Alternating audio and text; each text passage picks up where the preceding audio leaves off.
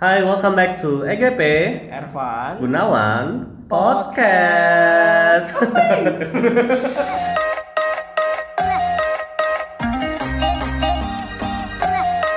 ah, masih belum terbiasa ya dengan opening itu. Eh, Bener banget sih. Semoga dengan beberapa kali eh, rekaman lagi harusnya udah lebih nyaring Harusnya, openingnya.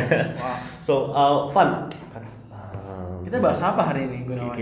Oh ini kita udah bakal lebih serius nih ngomongannya nih Eh, tentang hidup dan mati. Oh Enggak sih nggak selebay itu, itu terlalu lebay banget. Oke oke Tapi ini adalah masa-masa paling kritis eh, setelah kamu lulus kuliah sebenarnya. Hmm Mencari pekerjaan pertama kamu. Wow throwback Finding really your hard ya. first job. Ya me too. Eh, juga lagi nostalgiaan saat ini kayak aduh seberapa sulitnya banting tulang ya terlalu banyak kekecewaan Yap. eh, PHP Yap. right um, ya I, I believe eh, teman-teman juga harusnya sudah ya supposedly udah pernah ngerasain inilah ya Eh, mungkin ada teman-teman yang mungkin lebih beruntung di mana mungkin bahkan sebelum eh, kelar kuliah, Kuliah, bahkan ya. setelah baru kelar skripsi atau pas lagi bikin skripsi sore udah dapat kerjaan mungkin. Yup, nah itu yup. tapi ada juga mungkin teman-teman yang satu tahun dua tahun sudah uh, lulus tapi masih belum dapet kerjaan uh, full time ya at least ya. Yup. Um, kita ngobrol di sini Van. Kayak kalau dari lu sendiri kayak what's what's your experience this uh, dengan pengalaman mencari uh, kerjaan pertama lo Um, well itu rada nostalgia dikit sih buat Hmm. gue. Karena memang ketika gue baru lulus dari Singapura gue Hmm. kuliah itu gue udah galau tuh. Waktu itu memang program gue buat yang belum dengerin episode pertama kita ya Hmm. introduction nih uh, gue mancung ulang aja. Dulu program kuliah gue udah 2 tahun. Nah di situ memang gue udah plan gue akan berencana setelah gue kuliah S1 gue akan ke China untuk ambil bahasa tapi begitu gue lulus, gue tuh bingung. Haruskah gue kerja bahasa atau gue malah pergi S2? oke Ya. oke Memang saat itu gue berpikir, oke gue harus cari kerja dan karena gue lulusan Singapura, pikiran gue idealis, gue harus kerja di Singapura. Hmm. Well, secara gaji memang sangat wow tinggi banget ya. Di sana minimal 20 juta lo dapat per bulan. Hmm. Ya hitung bersih-bersih lu dapat bersih 10 juta. Sedangkan kalau di Jakarta mungkin buat fresh graduate 10 juta itu gross bukan bersih. Nah, beda kan kalau di Singapura. dan bahkan langka banget sih untuk ketemuin Iya. your first job langsung di 10 juta gross ya Iya. biasanya bahkan ada yang saking gak make sense nya gajinya cuma UMR gitu ya Eh, mungkin nggak nggak sesuai ekspektasi eh, orang-orang di awal lulus kuliah kayak ideally gue mau angka segini untuk gaji gue Setuju. Dan singkat cerita sih akhirnya gue coba cari kerja selama lima bulan dan gue taruhan sama bapak gue. Bapak Oh. gue ngotot dia bilang, "Van lu harus pergi bahasa. Lu pergi bahasa." Karena kebetulan eh, kakak gue juga mau ke China. Jadi mikirnya bareng gitu kan biar gampang. Gue ngotot, "Oke, gue mau coba cari kerja dulu selama lima bulan." Mm-mm. Let's say gue nggak dapet kerja di mana pun, ya udah gue cabut ke China. oke Ya gue memang ada sempat apply ke mana-mana, gue sempat apply jadi MT di Starbucks, MT di Lipo Group, eh, beberapa company pernah gue pergi interview juga, tapi akhirnya emang nggak dapet, nggak cocok lah. Mm-mm. Kemudian ya udah gue pergi ke China setahun, pulang dari China, kebetulan sebelum gue pulang itu gue ditawarin sama teman gue, Hmm. Van mau nggak jadi anak sosmed? Oh, kayak sosmed-sosmed gitu. Gue pikir I think it's a good choice. Eh, karena kebetulan gue orang yang lumayan digital savvy ya. Gue demen hal yang berbau digital sosmed dan gue orangnya suka explore. Mm-mm. Mm-mm. ya jadi ketika ditawarkan seperti itu oh, ya why not gitu. Dan itu startup by the way. Akhirnya begitu gue kirim email orangnya cocok sama gue yaudah gue begitu nyampe Indonesia seminggu kemudian gue udah kerja. Tapi karena memang kan jatuhnya masih probation ya jadi sebenarnya masih dianggap sebagai magang doang sih it's not really a real job for me yet Iya sih. gitu itu sih pengalaman kerja gue pertama ya maksudnya merasakan oh ini toh dunia kerja gitu gue harus balik lagi ke kehidupan yang 8 jam sehari itu dipakai buat kegiatan seperti ini gimana kalau Gundu Gun? Um, ya kalau gue agak ya bisa dibilang not as simple as I thought it would be. Oh. Um, untuk kasih konteks uh, di episode sebelumnya gue bilang kalau gue ini lumayan aktif uh, organisasi. Ya. Di mana di kampus uh, gue itu kayak di selalu cekoki gitu ya kayak Oke. lu kalau cuma kuliah pulang kuliah pulang kupu-kupu ya butterfly ya. Eh, kalau udah lulus tuh lu akan kalah sama orang yang punya pengalaman atau aktif sama masa kuliah di luar kelas. Misalnya ikut organisasi lah ikut lomba lah exchange lah or something. Pokoknya ada pengalaman uh, doing stuffs lah other than cuma uh, Yep. sekolah doang gitu ya anggapannya. Um, and I did that. Uh, tapi memang difokus ke organisasi where I create uh, you know join in organization creating events uh, being in the in the uh, steering committees as well. Basically itu kayak di, man, di management timnya di suatu organisasi gitu ya. Kayak DPI lah kalau orang sebutnya kayak gitu. Oke, oke. So basically the things that I learned there banyak banget. Eh, dari yang seperti kayak how to uh, have a good teamwork kerja bisa adapt dengan uh, teman-teman lain yang mungkin cara kerjanya cocok atau nggak cocok sama gue Oke. waktu itu ya. Sampai ke bagian di mana lo harus kritisin setiap opini teman-teman ketika mereka nge-share ide untuk uh, pembuatan satu event Oke.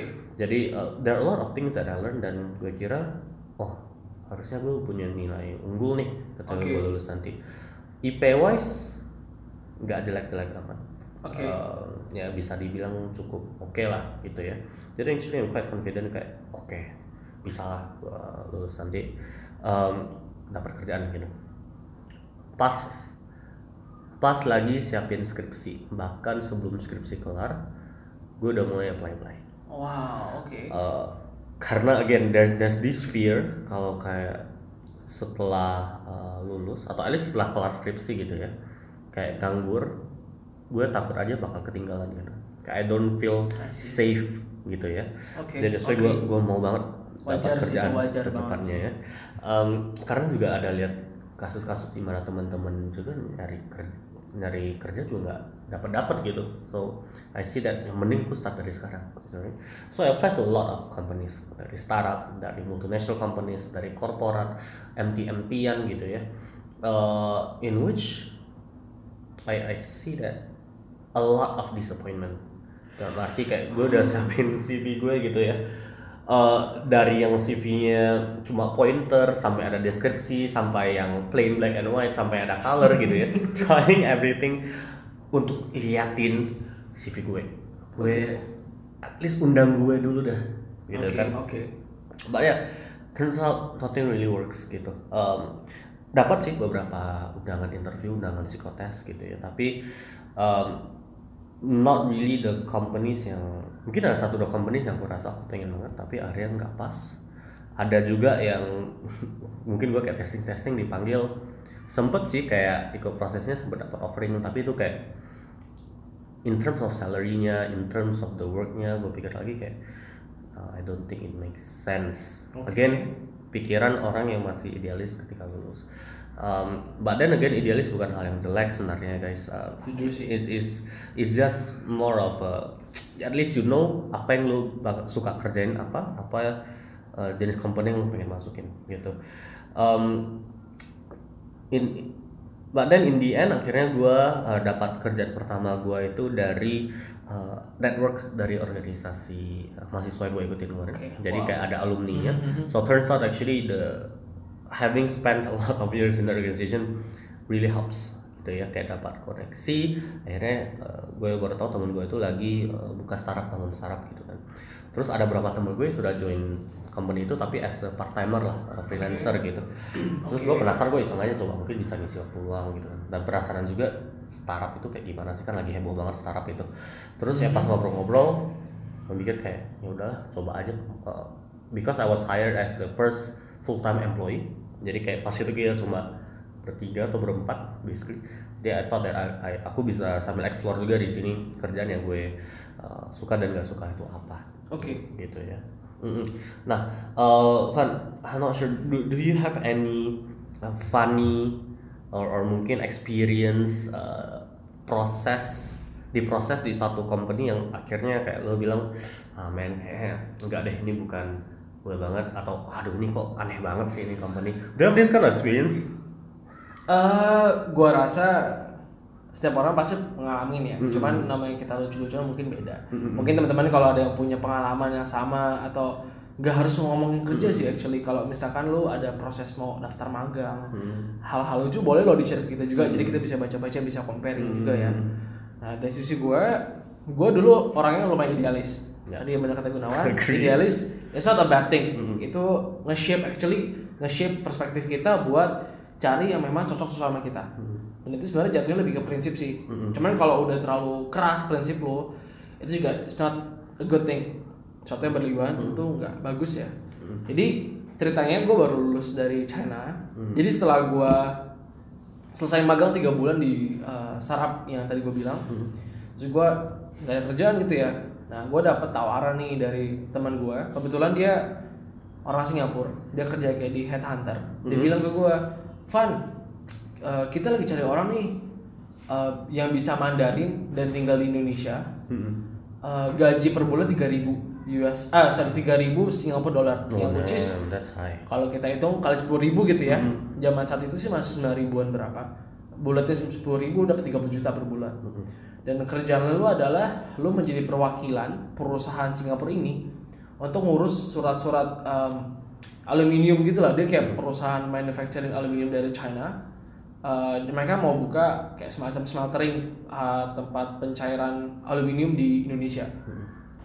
Terus gue pikir oh why not? gitu, gue coba aja toh gue lulusan Singapura, gue bisa Inggris, Inggris gue nggak nggak gitu jelek ya, Mandarin gue juga so-so. Yaudah gue go ahead pakai phone interview. Hmm. Singkat cerita pas di phone interview itu setiap kali gue mencoba mau pakai bahasa Inggris orangnya bahasa gue pakai Mandarin. Dan memang Mandarin gue tadi gue bilang lebih kayak sehari-hari aja. Kalau udah ngomongin kayak hal-hal yang teknis banget sebenarnya Mandarin gue belum mampu. Hmm. Eh, ngobrol-ngobrol-ngobrol dia bilang Pak Ervan kebetulan manajer kami lagi di Jakarta Oke. bisa nggak besok ketemu oh ya udah nggak masalah ketemu di mana waktu itu di hotel terus gue kayak bingung gitu kenapa nggak ketemunya di Starbucks atau di mana Iya. kenapa harus di hotel ya udah gue ke hotelnya besok paginya kemudian gue sms gue bilang pakai bahasa Inggris "Eh, pagi pak saya sudah di hotel nih kita ketemu di mana Hmm. Eh, kemudian dia turun nah ini yang mulai rada tricky Ya. ngerasain gue tricky banget jadi gue ketemu dia baju dia kayak lancai baru bangun tidur gitu Hmm. Habis itu gue tanya udah pakai bahasa Inggris kan.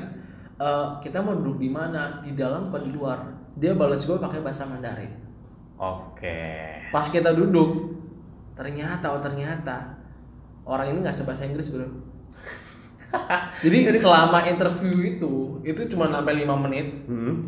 Gue sampai bilang pakai bahasa Mandarin, maaf Mandarin gue nggak gitu bagus. Hmm. Setelah itu dia bilang ke gue, oh ya udah, berarti interviewnya selesai. Ya. It's not, itu nggak lucu menurut gue nggak gitu lucu cuma itu hal yang konyol.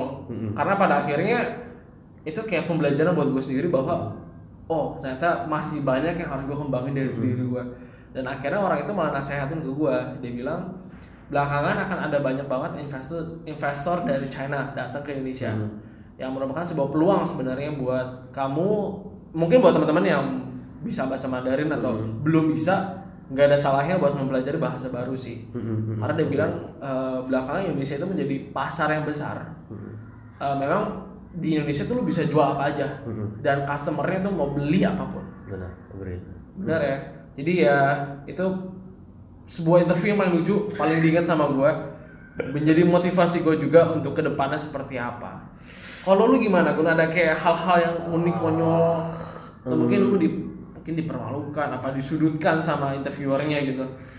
Mungkin nggak sampai dipermalukan sih, tapi sampai sekarang tuh ini salah satu proses yang uh, gua rasa untuk company berskala nasional, Oke. I'm actually didn't expect this to happen, gitu ya. Wow, is there scandal? What? Gila gue kayak lagi. Gilanya dramatis banget. But no, it's actually not a big problem. Cuma akhirnya kayak bikin gue realize sebagai seorang kandidat pun atau pelamar lu harus punya standar sendiri. Oke. Jangan jangan cuma berpandangan kalau ketika lu di proses satu company lu harus jualan tok company itu, tapi company itu nggak harus jualan balik ke lu. Oke. The company needs to realize this as well gitu ya. Let's say if they found a good candidate, in the end the company needs to sell kenapa kandidat bagus ini harus join company itu oke di luar uh, mau kandidat itu yang apply duluan atau gimana again you need to show this as well. Karena just just think about it this way gitu ya. Kandidat yang oke kalau dia oke itu pasti dia bakal banyak ingin ditarik di perusahaan lain gitu.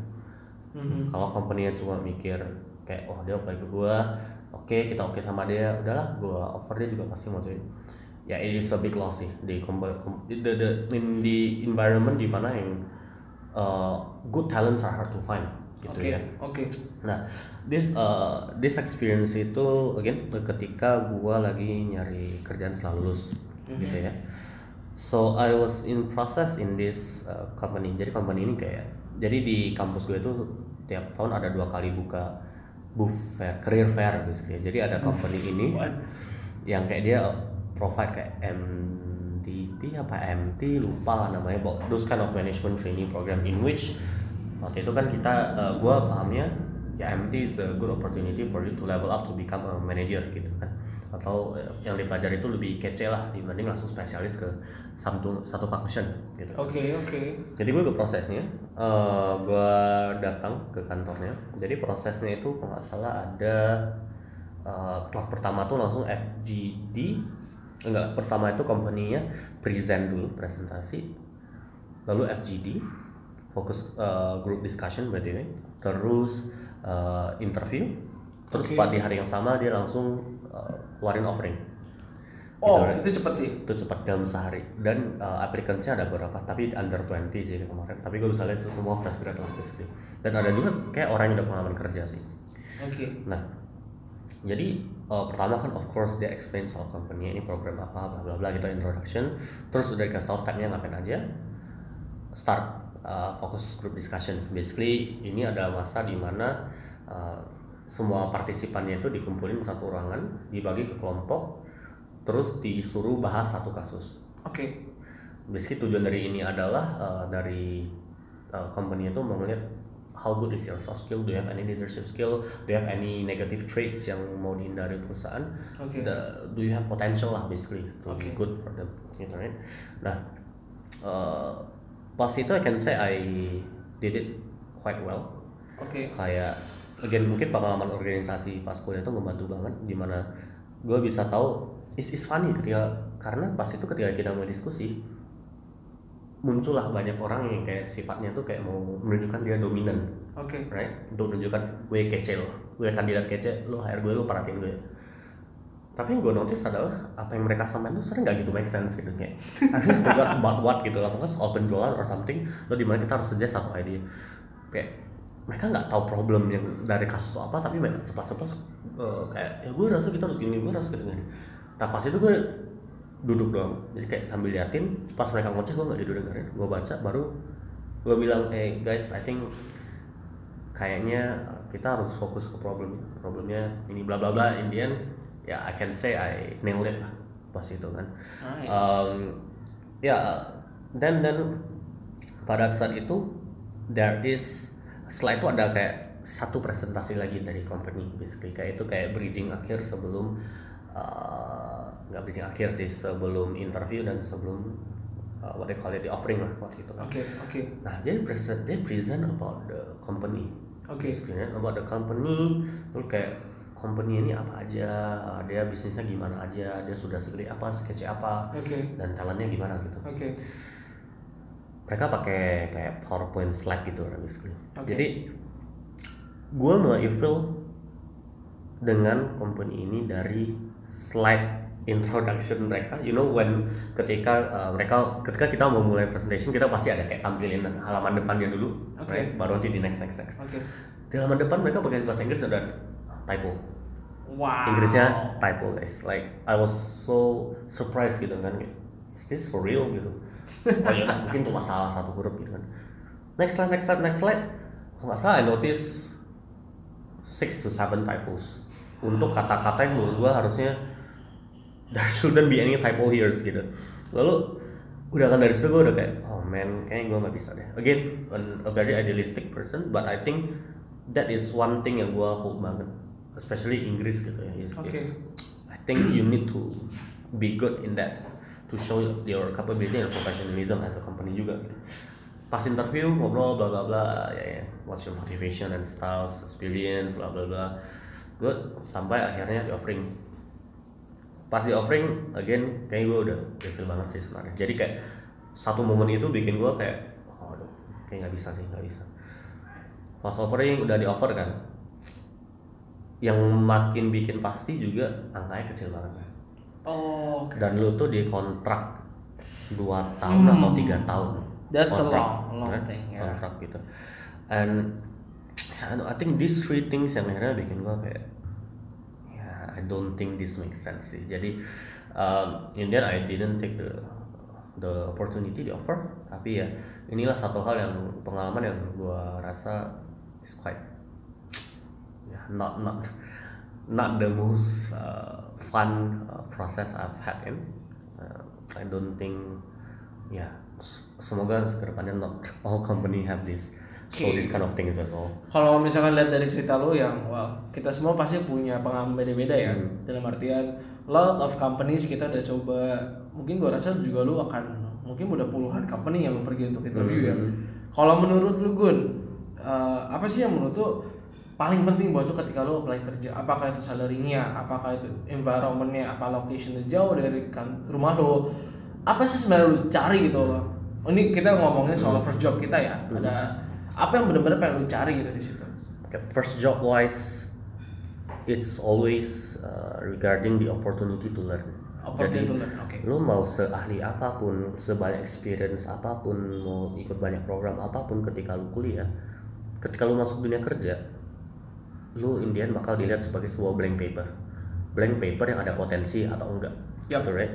Nah, that's why the the first thing I want to find is bangun CV gue basically. Oke. Try anything, learn anything, mau dapat exposure-nya itu dan hopefully soalnya di masa ini kenapa gue lumayan idealistik sama company-nya karena again a company uh, how company a company performs, how the structure performs itu bakal menunjukkan bagaimana karyawannya di treat menurut gue Oke. gitu ya. Apakah karyawannya itu uh, dikasih kesempatan untuk actually uh, perform, involve in the company, change the company, learn in the company dan apakah di manage oleh uh, sebuah lead yang memang care with you. Jadi mentor utama ya. Benar, mentor, mentor. utama banget tuh. Ya, that's that's uh, the thing sih. Salary gua awalnya sering nggak gitu perhatikan. Cuma uh, tetap ada standar minimal sih. Pasti ada lah. uh, salary yang gua rasa untuk bisa survive month to month gitu. Kalau kalau what, what about you, uh, Van back then? Eh, gue rasa kita idem dalam artian kita kurang lebih sama. Hmm. Eh, lebih ngeliat gimana buat gue di awal kerja ya. Hmm. Gue nggak gitu merhatikan eh, struktur kerjaan karena orang ada berpikir, oke gue kerja di perusahaan ini jabatan apa aja yang bisa gue naik Mm-mm. kayak career career wise lah istilahnya. Kalau gue lebih ke opportunity to learn sama. Cuman kalau gue memang eh, pada saat itu menurut gue selama salarynya itu masuk akal buat gue nggak harus yang tinggi banget nggak harus yang well sejujurnya gaji UMR menurut gue itu rendah. Mhm. dalam artian itu kan biasa saja. Mhm. dan kebetulan memang gue dituntut untuk kerja jauh dari rumah. Hmm. jadi memang eh, bokap gue pernah tanya kamu mau kerja di mana? Terus gue bilang mau dekat dari rumah. Dan gue dimarahin. Katanya cowok itu harus cari kerja yang rada jauh jadi menurut gue kalau gaji UMR mungkin gue bisa survive tapi nggak bisa ada tabungan yang Ya. banyak singkat cerita gue lebih mencari tantangan sebenarnya Eh, salah satu contoh ketika gue kerja di magang di awal itu gue anak sosmed perlu di take note bahwa gue adalah sosmed fashion perempuan Oke, oke. Are, are, are you into fashion though? Oke, good question. I'm not. Oke. Gue tipe orang yang pakai baju itu suka warnanya nabrak. gue bisa pakai atasannya kuning, bawahnya hijau. Oke. Dan memang baju gue warna-warni. Dan menurut gue fashion, menurut gue selama gue nyaman pakai, it's comfortable, gue nggak masalah. Mm-mm. Jadi gue nggak ikutin tren. Mm-mm. Dan kedua, ini adalah fashion cewek. Yang artinya gue sempat lumayan capek gitu ya karena tiap pagi gue harus baca detik baca liputan 6 fashion tuh lagi gimana trennya seperti apa yang perempuan. Hmm. jadi sekarang kalau lu tanya sama gue Van bedanya wedges sama high heels apa atau sama uh, point heels? Gue bisa kasih tahu perbedaannya apa. Atau lu tanya gue bedanya boyfriend jeans uh, flare jeans atau apa pun itulah gue bisa bedain sekarang. Dan semua fashion cewek. Dan menurut gue dari situlah tantangan yang gue cari ketika gue pertama kerja. Jadi nggak cuma belajar uh, dari mentor dari kata Gunawan ya. Memang cari sesuatu yang kayak gue harus belajar ekspor. Hmm. nah di situ makanya tadi gue bilang gue demen banget ekspor. Hmm. gitu sih. Agree, agree. Um, nah mungkin mm, dari ini ya, maksudnya setelah pengalaman kita untuk finding a first job gitu ya, dan mungkin kita juga sudah pernah uh, menghadiri beberapa proses interview gitu ya, dan mungkin juga dengan uh, a bit of my experience in my current role as a recruiter gitu, um, mungkin kita bisa share juga kali a bit kayak uh, ke teman-teman gitu ya, kayak what what does the company really look for gitu. Dalam arti kayak does major uh, uh, jurusan kamu apakah ngefek ke probabilitas kamu dalam pekerjaan apakah kampus yang kamu datangi itu um, affect di CV lu apakah pengalaman organisasi itu ngefek di CV lu apakah IP itu ngefek di CV lu those kind of things gitu. Nah um, let, let me share a bit gitu ya uh, setelah sure gua- sure ya. Boleh gue boleh. pengalaman berapa kerja dua tahunan gitu ya.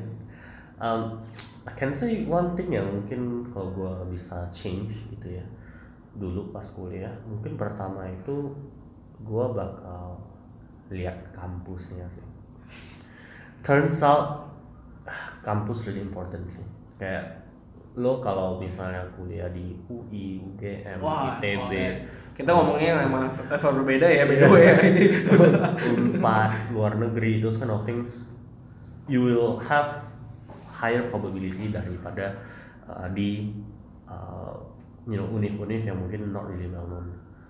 Ataupun kalau misalnya for example, gua saat ini di binus gitu ya, eh, kemarin di binus sorry, psikologi binus tuh masih baru, oke masih baru banget lah ini kayak under 10 years gitu. Uh, di alumni uh, network masih belum segede itu, uh, achievementnya belum segede itu, not really people even know.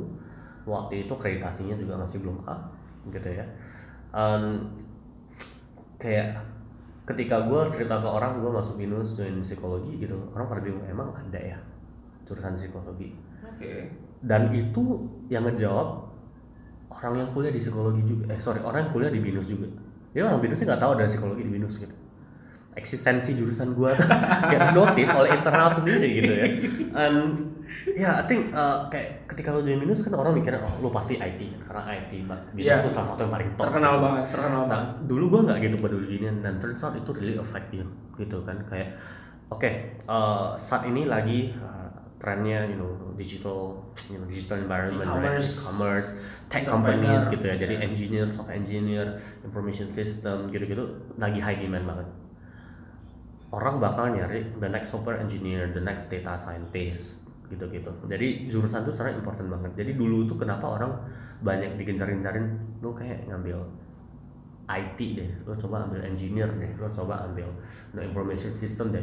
It turns out it helps really well with uh, you dalam arti lo di mata perusahaan lo punya nilai lebih sebenarnya. Karena dianggap lo pertama understand this uh, trend yang lagi happening saat ini dan lo kebetulan di era yang tepat gitulah sebutannya kan. Terus kedua juga uh, orang-orang yang lulusan IT dianggap ya in a way lebih quote unquote pinter lebih structured thinking thinkingnya Wow, lebih iya sih. good in logic things ya ini bukan nge generalize tapi memang kebanyakan kita lihat orang yang kuliah IT memang ya they bahkan harus masuk kuliah IT ya waktu itu harus yang lulusan I Pak, Pak, IPA, IPA. di SMA ya, Iya. IPA atau at least IT or something gitu. Jadi it shows gitu kan. Kampus itu penting banget, again kayak man kalau lu di UI, di UGM, di ITB yang pertama secara reputasi kampus tuh udah di Indo udah kayak top 1, top 3 atau top 5 terus lulusannya memang terbukti terus masuk sana nggak gampang keluar sana nggak gampang terus opportunity sana karena uh, univnya udah lama jadi networknya juga gede dalam arti network lo untuk uh, belajar diajari oleh dosen-dosen yang uh, at least uh, national class atau world class gitu ya. Lo punya opportunity untuk exchange ke other countries gitu ya. Memang ada programnya lengkap gitu. Jadi kalau gue bisa turn back mungkin gue bakal coba trying to go to those uh, top three companies UI, ITB, UGM gitu Oke, ya mungkin ambil jurusan yang sifatnya teknik because then again yeah, they have much more value but again nggak semua orang lulus sana di guarantee again depends on how active you are how good you are juga gitu ya but at least the probability is higher Hmm, oke. how how about you Oke, sebelum gue mulai ya mau share aja nih untuk teman-teman yang mungkin ada pendapat lain bisa share juga ya. Hmm. Kalau gue sebenarnya rada against opini Gunawan nih. Oke. I think it's gonna be fun lah. Hmm, hmm, hmm. Memang gue setuju soal UI, ITB dan UGM kalau lulus dari sana your probability gonna be so much higher. Hmm, Kalau lu ngambil software engineer ya it's gonna be so so higher gitu loh dia punya opportunity untuk work. Hmm, hmm. Tapi menurut menurut gua balik lagi ke job yang pengen lu cari. Hmm. Eh, menurut gua karena gue kebetulan gue di bidang marketing ya, yang notabene orang bilang ngapain sih lu kuliah marketing, ngapain sih kuliah bisnis, lu langsung kerja aja udah belajar semuanya. sama psikologi actually kayak lo ngapain ambil psikologi sih? Eh nggak tahu jurusan yang penting kuliah aja. Oke, jadi memang benefit ketika lo ambil kuliah bisnis atau lo ambil kuliah entrepreneur sebenarnya itu ngebantu lo untuk one step ahead dari orang-orang yang langsung terjun ke bisnis. Memang kesannya lebih banyak pengalaman.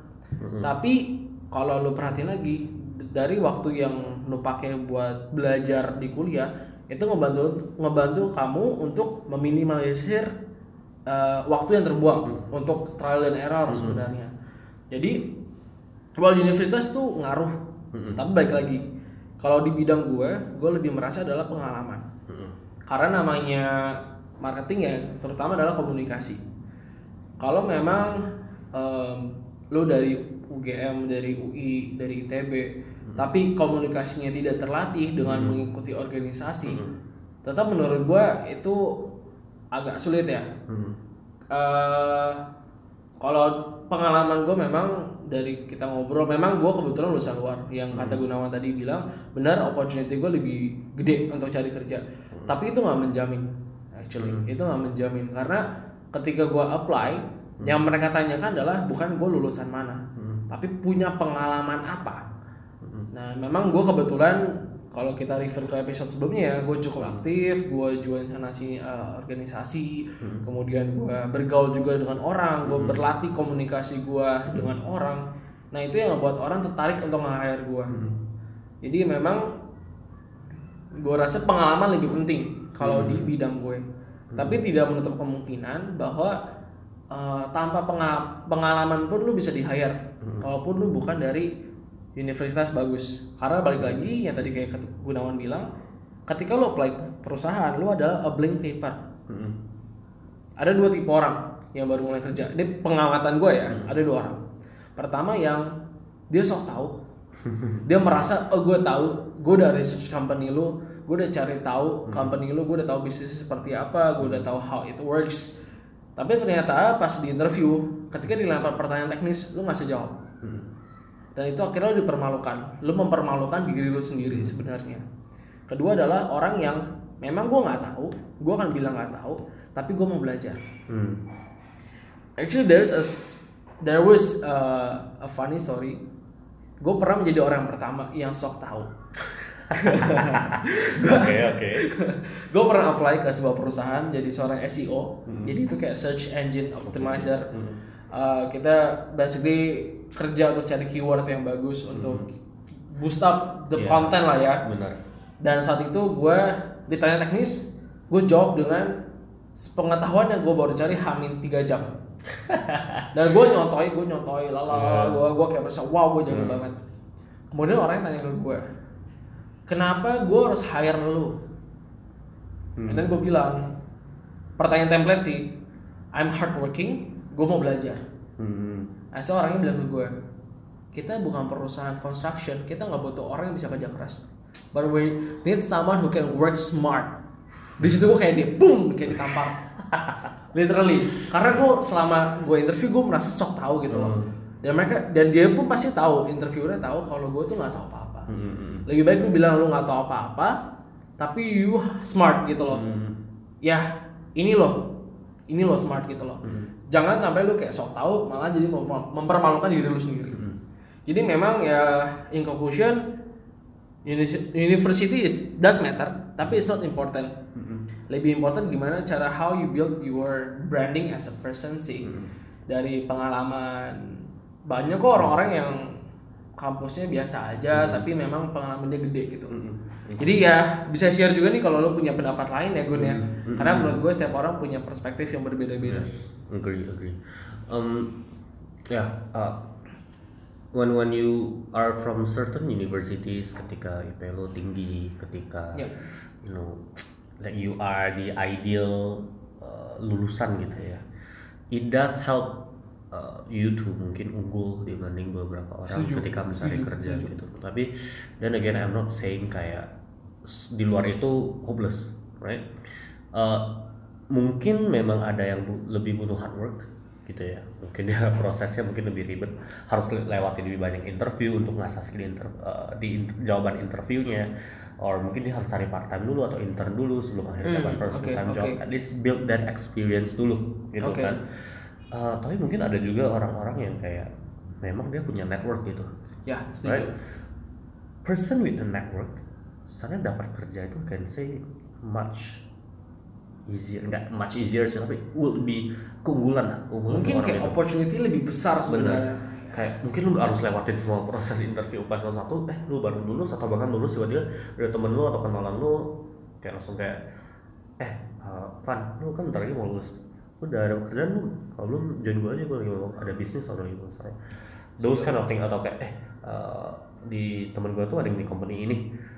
Mereka lagi lowongan nih ada lowongan untuk ini. Nah, lu kan lulusan ini kan? Yep. pas tuh bisa Yep. lu join see this kind of things yang sebenarnya bisa unggul juga. Jadi that's why GPA really matters in um, to, up to some point. Tapi again the the thing that you do in university really matters as well. Networking lo soft skill lo um, those kind of experience yang you need to try to find an, um, apa ya a, a kind of uh, keunggulan sendiri lah untuk diri lo yang mungkin lo rasa kayak mungkin gue kayak bukan tipe yang bakal bisa dapat IP tinggi. Gue mungkin bukan tipe yang kayak oh banyak banyak network tapi gue bisa coba latih soft skill gue atau kebalikannya gue nggak bisa IP tinggi gue nggak mungkin soft skill nggak ada gue coba berteman lebih banyak mungkin bisa dapat network lebih lagi. Setuju setuju. So. Mungkin mm, sebelum kita lanjut ya gue mau share dikit aja nih soal network. Eh, balik lagi network is important tapi balik lagi ke diri lu sendiri. Agree. Are you okay? Are you a great person? Karena pengalaman gue pribadi balik lagi gue pernah dikenalkan sama kebetulan dia dulu partner bisnis bokap ya. Dia adalah salah satu director e-commerce sebuah perusahaan tambang. I think the second largest in Indonesia dia expat. Dan gue waktu itu mau dijadikan jadi PA-nya dia personal assistant. Oke. It's a it's a great opportunity gitu loh. Lu bisa langsung belajar sama kayak nomor satunya di perusahaan Oh, itu. agree agree. Ya kan? It's like itu perusahaan besar banget. Dia punya tambang di Kalimantan punya tambang di mana dan itu tembaga eh, ini tembaga nggak salah. Tambang tembaga. Singkat cerita gue ditemukan sama asisten dia. Nah, kita ngobrol. Dan hasil dari interview gue singkat sama si eh, asisten dia dia bilang adalah lu nggak mampu buat kerjaan ini. Oh. Gue nggak tahu lu punya koneksi apa sama bos gue tapi sejujurnya lu masih butuh pengalaman sebelum lu ambil kerjaan ini. Dan di situ gue belajar bahwa network itu penting tapi baik lagi Yes. diri lu siap gak buat ambil opportunity ini? Benar. Jadi memang harus ya lu harus bangun network tapi juga harus bangun diri lu sendiri. Different ya totally different kayak effort lu untuk di notice perusahaan untuk dipanggil atau ditelepon pertama kali di mana lu cantikin CV lu lah perpanjangin pengalaman lu everything IP lu lah untuk di call. Dan proses ketika di call atau um, let's say ketika mereka mulai ngeproses lu gitu ya.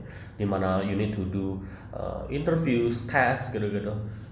Itu whole new uh, effort lagi lu bisa IP bagus tapi pas interview kalang kabut nggak work out lu bisa punya network pas interview atau pas kerjain tes nggak tembus sama aja nggak Sama aja, gitu. sama aja. so again uh, this finding the first job experience is is is a is a journey by itself gitu ya kayak ya yeah, it's it's a whole new challenge yang uh, for you to be able to be accepted quote unquote uh, di oleh suatu company atau oleh suatu uh, opportunity gitu.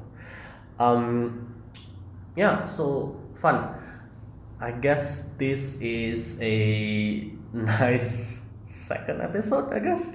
Uh, at least the the topic really uh, apa ya menunjukkan kayak seberapa uh, seberapa sulitnya sih ketika lo lulus kuliah dan lo harus starting to survive dengan mencari pekerjaan pertama lo gitu ya. Hmm, masa transisi is always one of the hard thing lah. Karena ya uh, mungkin lo belum terbiasa lah ya. Maksudnya ketika lo kuliah pressure pressure-nya adalah oke okay, gue dapet ujian nilai bagus. Tapi ketika lo kerja lu ngomongnya long term yang sampai lu udah umur 50 tahun, 60 hmm. tahun, 70 tahun gitu ya. How you gonna build yourself yes. as a man, yeah. as a mungkin lu mau jadi employee, I mean hmm. like uh, jadi director atau hmm. jadi president director atau hmm. jadi CEO atau lu mau jadi your own boss gitu ya, hmm. lu jadi entrepreneur and then you become a husband hmm. atau wife, hmm. kemudian jadi grandpa grandma gitu ya. Hmm. Dan itu it's a long journey gitu. Dan Mungkin hmm. gue share tips sedikit kali ya sebelum kita end the session buat orang-orang yang mungkin um, ini buat orang-orang yang baru mulai kerja, baru mau cari mulai kerja, mau mungkin lu udah lama kerja di perusahaan tiga tahun, dua tahun, hmm. kemudian lu mau coba apply di tempat hmm. lain. Mungkin yang mungkin uh, lu akan merasa adalah, aduh gue interview gimana nih, gue harus ngapain nih? Hmm. Saran gue adalah apply ke semua company yang memang mau apply. Yes ada panggilan interview mau lo kerjanya mau maksudnya kerjanya itu lo mau nggak mau hmm. lo tetap pergi ke interviewnya hmm. kenapa buat latihan benar karena memang tadi Gunawan bilang lo mau sepintar apa pun pengalaman lo bagus ketika interview lo memberikan impression yang jelek hmm. Oh, that's messed up gitu yes. loh jadi just go for it mau itu kerjaan jelas nggak jelas lo pergi aja untuk interview hmm. karena pertama itu nggak bangun confidence lo hmm. kedua it helps your uh, spontanitas ya. Mm-hmm. Ketika orang kasih pertanyaan lu bisa lempar jawaban yang terbaik. Dan gak ada salahnya untuk pergi kok paling ya gojek lah berapa lah gitu. Cuman pengalaman lu dapet itu menurut yes. gue priceless. Ya, dan dan ketika lu datang interview kayak gini juga lu bisa understand sih, at least testing market lah value lu di pasar dengan pengalaman sini gimana sih? Value lu ya? Your value your experience ternyata worth it gak sih? Nambah gak sih? Atau ya yeah, so is is is is always a, a nice experience to yeah, have yeah. gitu kan. Okay so yeah um that's it for from us saat ini gitu. So please share your experience juga mungkin mau di bawah gitu ya di comment or di um, you know any comments is fine kayak your experience your first finding first job experience. How absurd it is how difficult it is ataupun how easy it is silahkan share juga. Mungkin kita bisa discuss lebih jauh dari uh, your comments nantinya. Sure sure. Okay? Alright that's from us bye guys. Bye. See ya. Bye